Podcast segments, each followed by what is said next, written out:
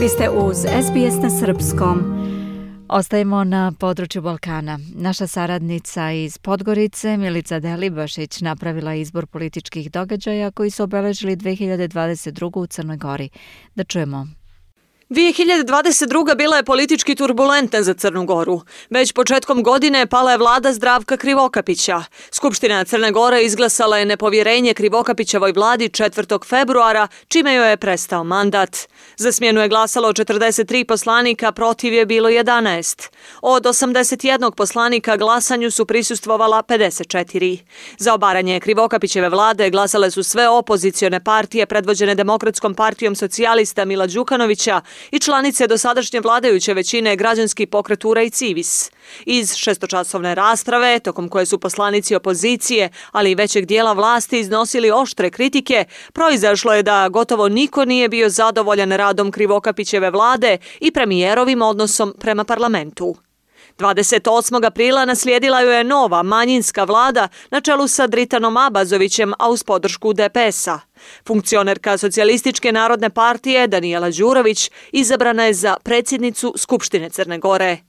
Sljedeći korak koji je privukao pažnju crnogorske javnosti, ali i koštao Abazovićevu vladu, jeste potpisivanje temeljnog ugovora sa Srpskom pravoslavnom crkvom 3. avgusta. Kraj je toj vladi došao već 19. dana istog mjeseca.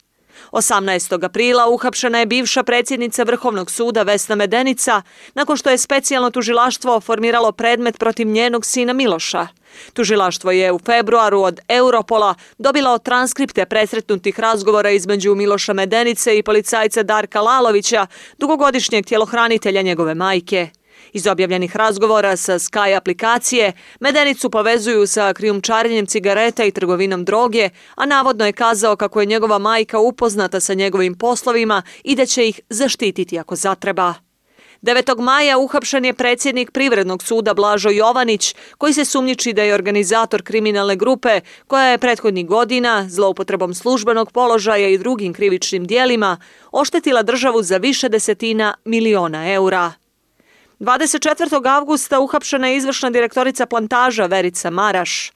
Krajem godine uhapšeni bivši direktor uprave prihoda i carina Rade Milošević zbog sumnje da je bio u organizovanom lancu koji je švercovao dio cigareta koje država zaplijenila u slobodnoj carinskoj zoni Luke Bar, a koje su trebale da budu komisijski uništene.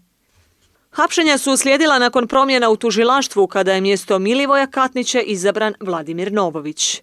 Godinu za nama obilježila i politička i institucionalna kriza u Crnoj Gori. U septembru je Ustavni sud ostao bez kvoruma, zbog čega rezultati izbora u glavnom gradu i dalje nijesu proglašeni. Na tim izborima DPS je izgubio vlast nakon 24 godine. Posebnu pažnju crnogorske javnosti izazvali su izbori u Šavniku koji još nisu okončani na dva birališta zato što članovi biračkih odbora iz koalicije koju predvodi Demokratski front ne dozvoljavaju dijelu novoupisanih birača da glasaju jer tvrde da nisu iz tog rada i da su prepisani da bi podržali vladajući DPS. Izglasane su i izmjene zakona o predsjedniku koje su izazvale proteste ali i kritike međunarodne zajednice. Pred sam kraj godine, na osnovu tog zakona, Miodrag Lekić je izabran za mandatara za sastav nove vlade.